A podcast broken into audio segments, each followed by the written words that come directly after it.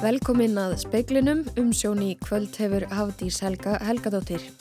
Sæðlabankastjóri segir sveigurum til launahækana í komandi kjaraveðræðum mismunandi eftir atvinnugreinum.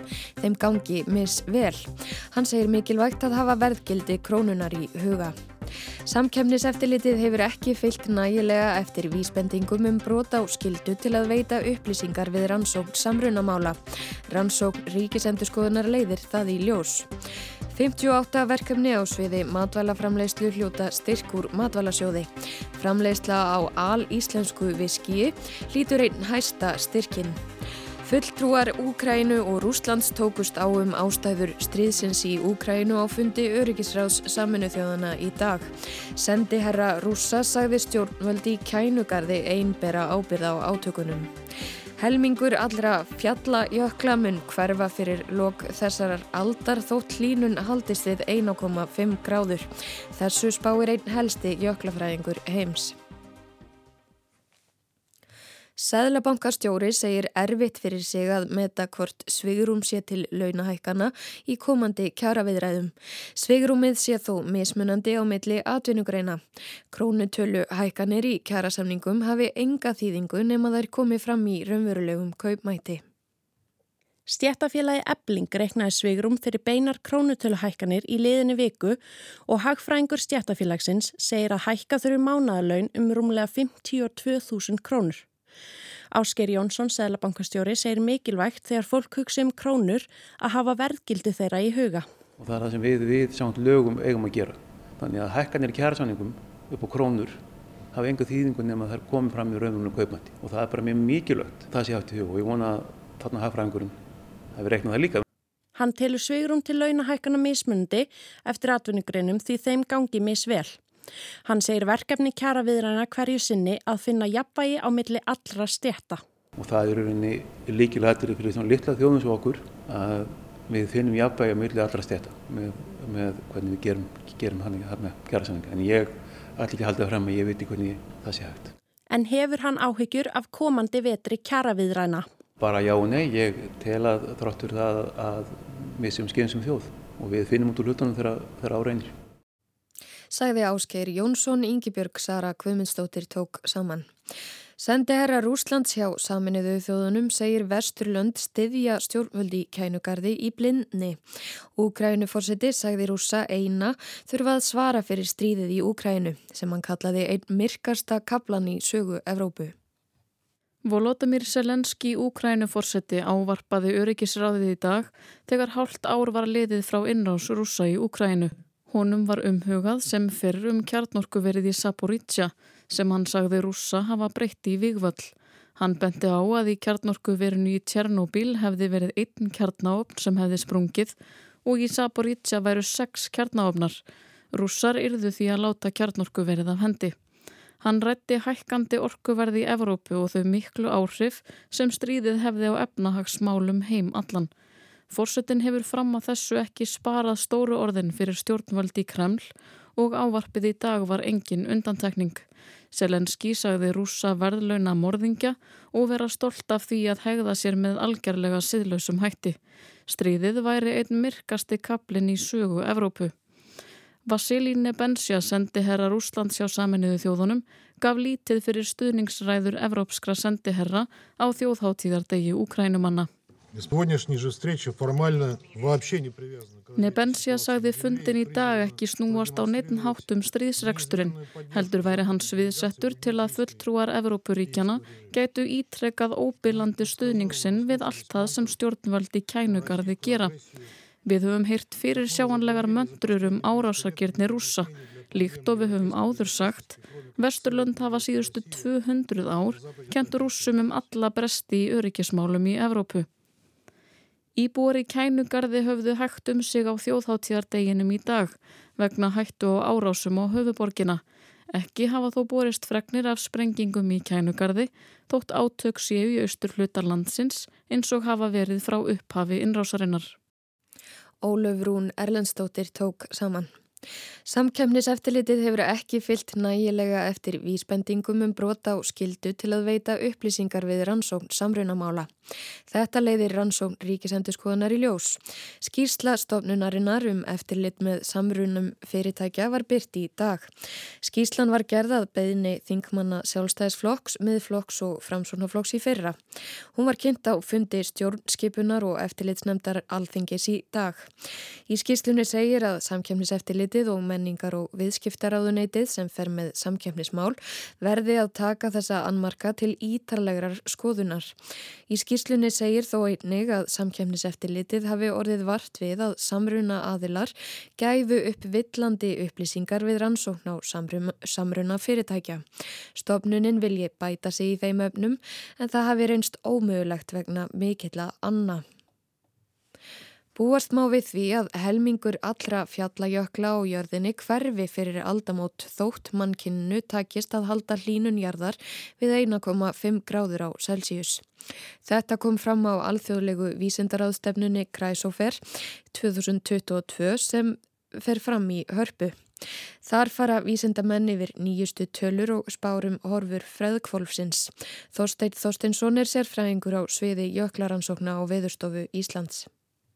Núna rétt áðan flutti Regínu Hokk, einna helstu sérfræðingum heims á þessu sviði. Hún flutti erindu um það hvers er að vænta í þeirri hlínun sem að við megum uh, búast við að verði á þessari öld og fer svona heldur varlega í uh, rauninni að, að áætla þetta allt saman. Gerir ráð fyrir 1,5 gráðu hlínun og þá er spátumurinn sá uh, út frá rekningum að um helmingur allra fjallajökla á jörðinni muni hverfa á þessari öll.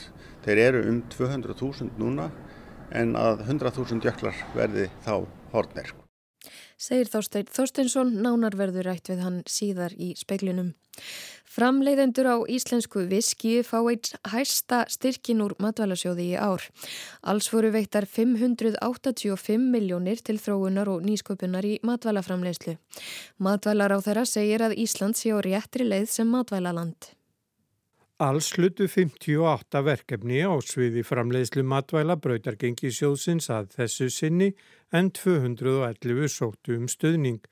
Svandi Svavastóttir, matvælaráðara, segir að ánægilegt sé að skinja að íslenskir framleiðendur búi yfir áræðni og sköpunarkrafti í nýsköpun og þróun á sviði matvæla.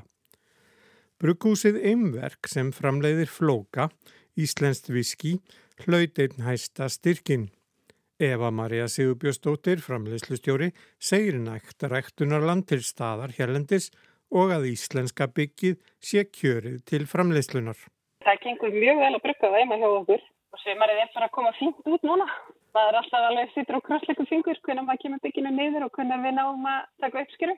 En þetta er þessi virði, það gefur okkur mikla sérstuð að nota íslenska byggið.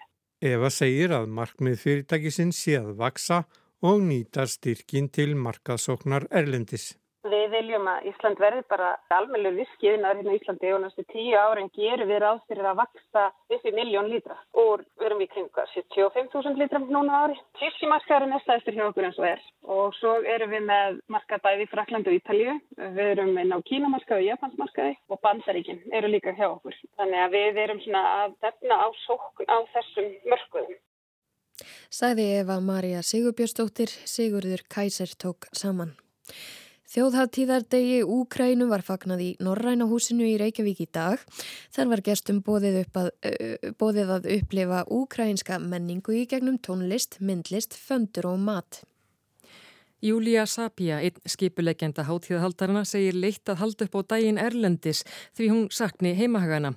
Hún sé þó ánað með viðburðin í Norræna húsinu og að fagna þar með úkrænumönnum og Íslandingum. Hún meti stuðning Íslands mikils. I'm excited that I can create this day in Nordic House and celebrate this day with Ukrainians and with Icelandic people. I really appreciate this support from Iceland, so I'm happy about this. Tónlistarmæðurinn Sergei Onisjenko held tónleika í gróðurhúsinu fyrir utan Norrannahúsið.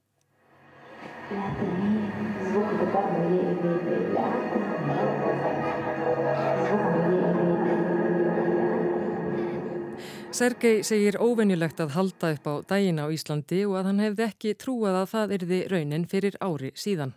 But it's great that we can use the opportunity together, even being so far away from home with the circumstances and being united in such a very hard times. Hann segir frábært að nota tækifæri til að hittast og vera saman á þessum erfiðu tímum fjarrri heimalandinu.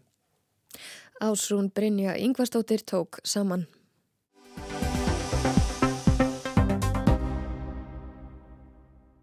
Hóflegar spár byggðar á nýjustu gögnum vísindamanna benda til þess að helmingur allra fjallajökla jarðarinnar muni bráðuna fyrir lok þessarar aldar. Þetta kom fram á alþjóðlegu vísindaráðstefnunni Kriosfer 2022 sem fer fram í hörpu. Kríósfer þýðist sem freð kvolf og nær yfir allt frósið vatn á jörðinni. Kveljöklar, fjallajöklar, hafís, sífriri og ís á ám og vötnum tilheyrir freðkvolfinu svo eitthvað sé nefnt. Helstur ansóknir á öllu sem tilheyrir freðkvolfinu snúa nú óhjákvæmilega að áhrifum hlínunar jarðar á það. Þorstein Þorstensson er sérfræðingur á sviði jöklaransókna á Veðurstofu Íslands. Þetta er náttúrulega mælt og, og þetta er reknað út um alla jörð núna og það er bæðið litið til fortíðar, það er litið til svona upplýsingar sem hættar að lesa úr, úr svona skjálasöfnum náttúrunar eins og jökulís og, og setlögum í, í vötnum og við hófum einmitt ráðstöfnuna með slíku erendi áslögu að gestóttur um svona veðurfari í, í fornhöld og, og sögu jöklanna Síðan er tekinn staðan á þessu eins og þetta er núna, bæði jöklar, stóru ísbreðunar og sífrerinn og, og hafísinn og síðan er enda signast til framtíðar. Núna rétt áðan flutti Regínu Hokk sem er sérfræðingur uh, við háskólan í Óslo og einna helstu sérfræðingum heims á þessu sviði. Hún flutti erindi um það hvers er að vænta í þeirri hlínun sem að við megum uh, búast við að verði á þessari öld og fer svona heldur varlega í uh, rauninni að, að áætla þetta allt saman. Gerir ráð fyrir 1,5 gráðu hlínun uh, í, í samræmi við Parísar samkómulegið og þá er spátumurinn sá út frá rekningum að um helmingur allra fjallajökla á jörðinni muni hverfa á þessari öld sem þýðir að um 100.000 jöklar muni hverfa áður en öldinni líkur. Bráðunum jöklana hefur feiknar mikil áhrif á hafið og veðrakerfin. Það fyrsta sem kemur upp í hugan er náttúrulega sjávarmálið vegna þess að þegar jöklar bráðna þá náttúrulega verður til bræðsluvatn og það rennur til sjávar og menn hafa nú verið að meta þetta sífælt betur og betur sko núna síðustu 20-30 árin sko hvaðan kemur það vatn sem að núna er að valda hækkun sjáaborðs. Hún hefur verið svona um 3 mm að jafnaði á ári þegar það jafnaðir yfir heimsöfin í heild þannig alltaf einhver munur frá bylli svæða en nú er það eins og það sé heldur að aukast og komið píafil 4 mm á ári og menn hafa metið hvaðan þetta vatn kemur. Eh, það er svona oft sagt að svona um þriðjungur sé að koma frá fjallajöklum og, minni kveljöklum á Íslandi, í Alaska, í Noregi og Svíþjóð, e, á Svalbardha, Himalæja fjöllum og, og víðar. Að um þriðjungur komi frá Grænlandsjökli og þriðjungur frá hinnu stóra Suðurskölds-landi og, og jöklinu þar sem er langstæsti jökull á, á jörðinni allri. En nú eru komin fram gögg sem að benda til þess að hérna, Suðurskölds-landi sé heldur að sækja á sko. og aðteglinn beinist mjög mikið þangað vegna þess að það er vitað að, að vestur Antartika eða vestur hluti Suðskjöldslandsins marar rauninni í kafi í sjó. Og botnin er þar bara sumstaðar 2 km undir sjáamóli þannig að það þarf í rauninni ekki mikla hækkun sjáabors til þess að hérna stóru íshellur sem streyma frá þessum jökli að þær fari enþá meira á flott heldur en þeir eru núna og reynilega missi snertinguna við botn á stöku stað og þá geti farið af stað svona keðjuverkun sem að hleypir miklu af ís út í sjóin. Sko. Þannig að þetta er nokkuð sem mann hafa talsæður ágjur af og, og það hafa verið erindi um þetta efni á rástöfninni. Þorstein segir að gögn frá síðasta hlýskeiði Ísaldar bendi þannig til að raunveruleg hætta sé á að talsvert stór hluti af vestur Antartíku fari á flót. Það hefði í för með sér eins til þryggja metra hækkun heimsafana. Hann segir að sjávarborshækkun af þeirri stærðargráðu hefði viðtæk áhrif. Það myndi þó gerast hægt. Spárnarum hækkun sjávarborðs á þessari öld segir Þorstein vera tempraðri. Það liggja nú yfirleitt á bylinu svona 20 til 60 cm. Sjáaborð hækkaði um 15 cm á allri 20 stöldinni þannig að þetta verður aukning sko í hérna hraða sjáaborðshækkunar. Eh, þetta er eitthvað sem að mannkynnið gæti náttúrulega brúðist við svona víðast hvar með undantekningum þó. Það eru náttúrulega strand og eithjóðir sem lendir miklu vandraðum við við, við ekki meiri sjáabórshækkunum en, en þessa. Það eru líka til spár sem að jáfnvel gera ráð fyrir eins metra hækkun eða jáfnvel umfram það á þessari öld en menn fara nú varlega í, í slíkar staðhæfingar.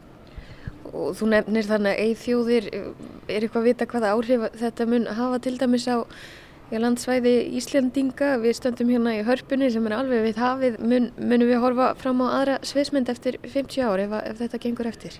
Mér skilst nú að það, það hafi verið tekið tillit til að mest ákvæmst einsmetra sjáabórshækkunar eða mögulegar einsmetra hækkunar sjáabórs þegar harpa var hönnuð og, og byggð.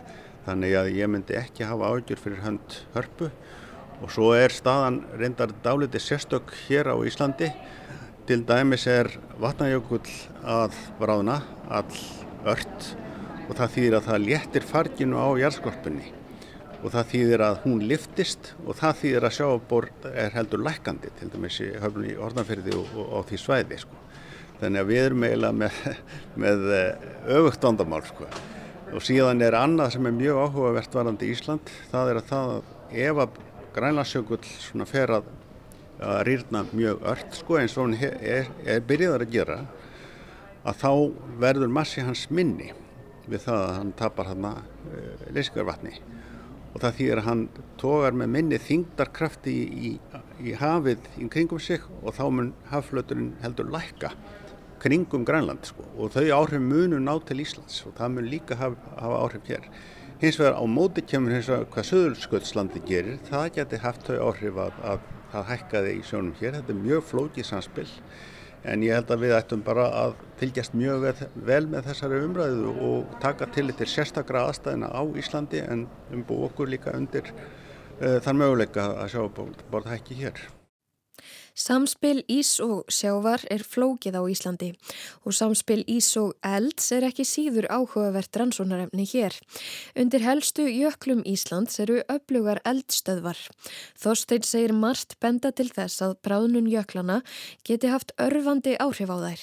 Þegar hinnu mikla jökulfergi sem var á landinu við lok síðustu íshaldar fyrir 20.000 árum, þegar því létti á 10.000 árum þá og, og landi varð ís, íslöst orðið fyrir svona 8000 árum eða svo að þá komu mjög mikil eldgoss í kjörfarið sko. það leti þá þrýstingi á kveikuhólum sem voru þarna undir og menn eru einmitt að velta vöngum með því hvort að einmitt þessi farglétting sem að nú er eiga sér stað að vatnajökli og, og fleiri jöklum muni hafa áhrif í sveipaða átt það er talið bara fremur sennilegt síðan er náttúrulega eitt með eldgósin að þau spúa ösku yfir jöklana og við vissar aðstæður þá geta náttúrulega getur svo aska flýtt mjög fyrir bráðunum sko.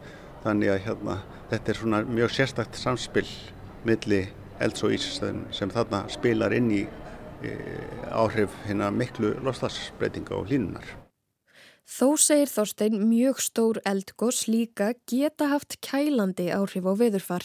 Samanber Lagagígagósið 1783 og Tamboragósið 1815. Þótt nýjustu mælingar og líkun vísindamanna drægi upp ókveikjandi mynd af ástandinu, segir Þorstein að enn sé von. Sumu verði ekki bjargað en nú rýði á að halda hlínun jarðar innan tvekja gráða. Þetta er mikið til umræðu sko. Jú, það er vissulega von til staðar og hérna, menn eru sammála um það að hérna að það verði áfram aukning í, í hérna losun en mennur líka bjart sinni á að það muni takast að, að takmarkana og að það muni takast að svona að takmarka hlínunina við þessar tvær gráður eða svo sem að eru svona dálitill svona kritísku punktur eins og, eins og, eins og sagt er og það, það blasir svo við sko hérna, að það halda áfram að bóra eftir þessu jarðefna eldsneti og grafa það úr jörð, kól og olja og, og gas og allt þetta. Það blasir svo við að, að þetta verður bara að vera eitthvað sem við lítum á árið 2100 sem eitthvað sem tilherir fortið mannkynsins en er ekki að gerast, eh, verður þá ekki gert lengur og menn munu finna nýja raðferðir og, og ná að, að stöðva þessa ó, óða hlínun. Þetta var Þorstein Þorsteinsson.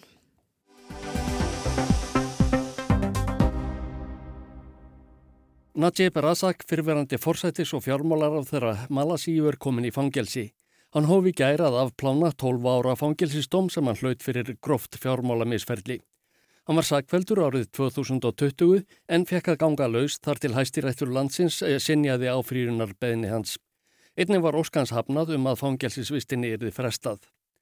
Mál Najibs er kent við opimbera fjárfestingarsjóðin The First Malaysia Berhad eða bara 1MDB sem tegði ánga sína til margra landa. Samkvæmt The Economic Times stopnaði hann sjóðin eftir að hann var forsættisar á þeirra árið 2009. Sjóðnum var ætlað að bæta efnahag Malasíu með fjárfestingum af ymsutægi og auka velferð malasísku þjóðarinnar. Þegar yfir lauk var hann skuldum vafinn og starfsfólki grunnaðum spillingu, mútur, samsæri og peningaþvætti. Bandariska dómsmólaráðuniti taldi á sínum tíma að fjórar og hálf miljón dollara, jafnverði 635 miljóna króna, hefði runnið úr sjónum og horfið á flóknum millifærslum af lands- og skúfufélaga. Á þeim tíma var starfseminn til rannsóknar í Singapúr, Sviss og víðar auk bandaríkjana. Við það kom meðal annars í ljós að Najib hafði varið hundruðu miljóna dollara í eigin þáu til kaupa á fastegnum í Los Angeles, New York og Lundunum. 35 miljónum dollara var varið í kaupa málverki eftir Monet og 5,5 í mynd eftir Van Gogh.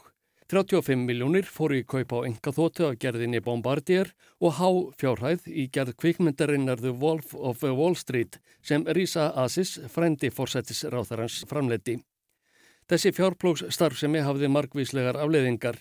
Fyrir sex árum skipaði Sæðlabankin í Singapúr svisneska viðskiptabankanum Falcon Bank til dæmis að loka útibúum sínum í landinu vegna brota á lögum um peningaþvætti.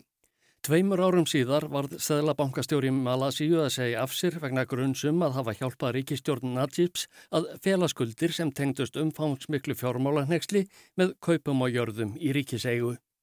Najib var loks sumarið 2018 ákjörður fyrir fjármálamisferli og handtekinn þá um haustið. Fyrir dómi heldur verjendur fórsættis ráþærans fyrirverandi því fram að fjármálaráðgjafarans hafi fullirt að háar upphæðir á bankareikningum hans væru gjöf til hans frá sáti arabísku konungsfjölskyldunni en ekki ríkistyrkur. Najib var fyrir tveimur árum sakfældur í sjö ákæruliðum og dæmdur til 12 ára fangelsisvistar. Einnig var hann dæmdur til að greiða jafnverði 6,6 miljardar króna í sekt. Á fríunaréttur staðfæsti dóminn. Fórseti hæstaréttar í Kuala Lumpur sagði þegar hann tilkynnti að áfríunarbeðninni hefði verið sinjað að dómarar réttarins hefði verið sammála um það að sektans í öllum ákæru liðum var í hafinn yfir vafa. Því þyrti málið ekki lengur að velkjast um í dómskerfinu. Eginkona Najibs Razaks, Rosma Mansor, er einnig í vondu málum. Hún er fyrir rétti ákjær fyrir peningaþvætti og skattsvig. Málænar tengjast meðal annars sólarorku veri í Malasíu. Sakadómur hveður upp dómi yfir henni 1. september.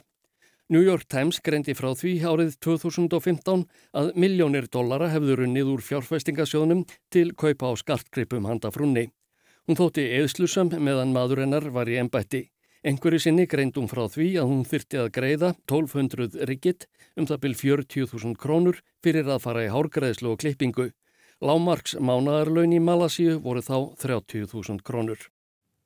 Áskeir Tómasson sagði frá.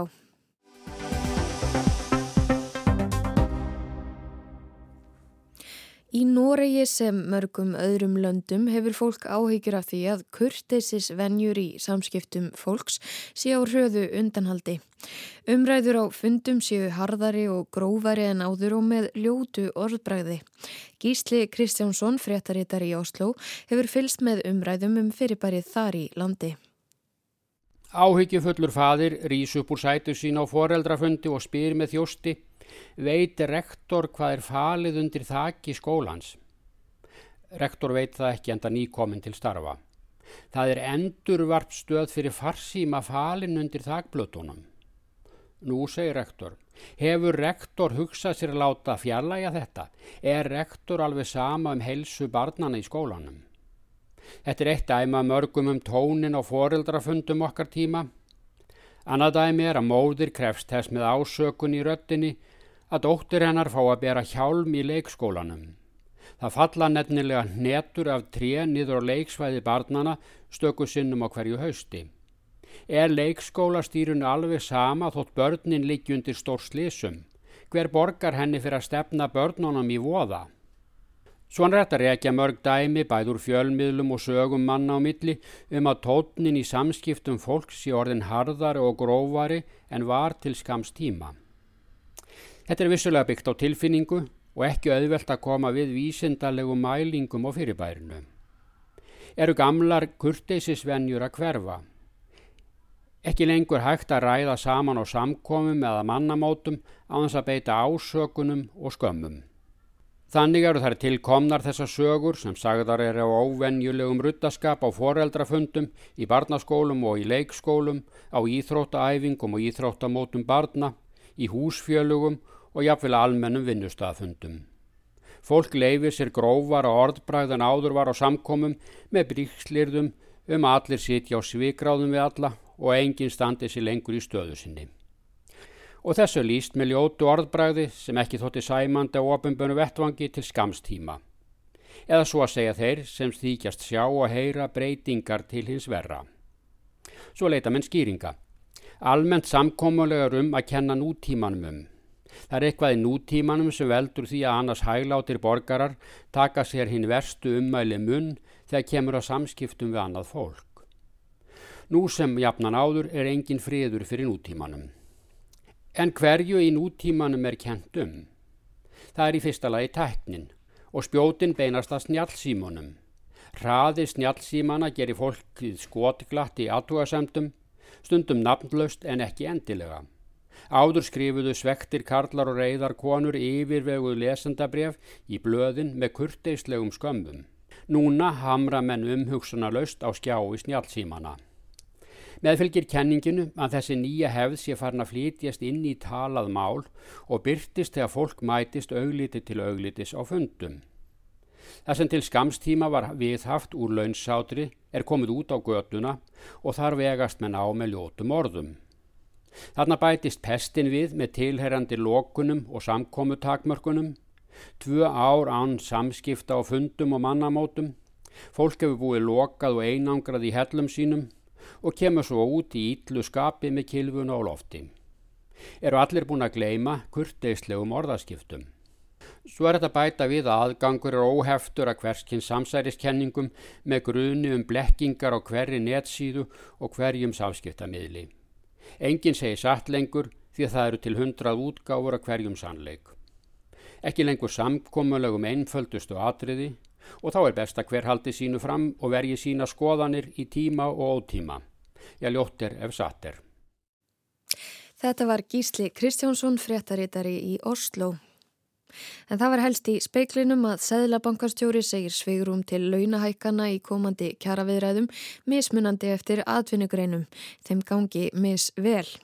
Samkemniseftirlitið hefur ekki fyllt nægilega eftir vísbendingum um brot á skildu til að veita upplýsingar við rannsón samrunamála.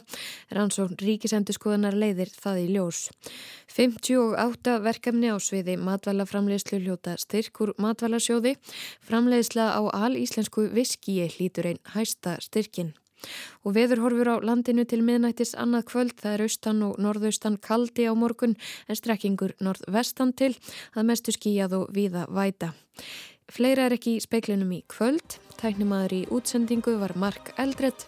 Verðið sæl.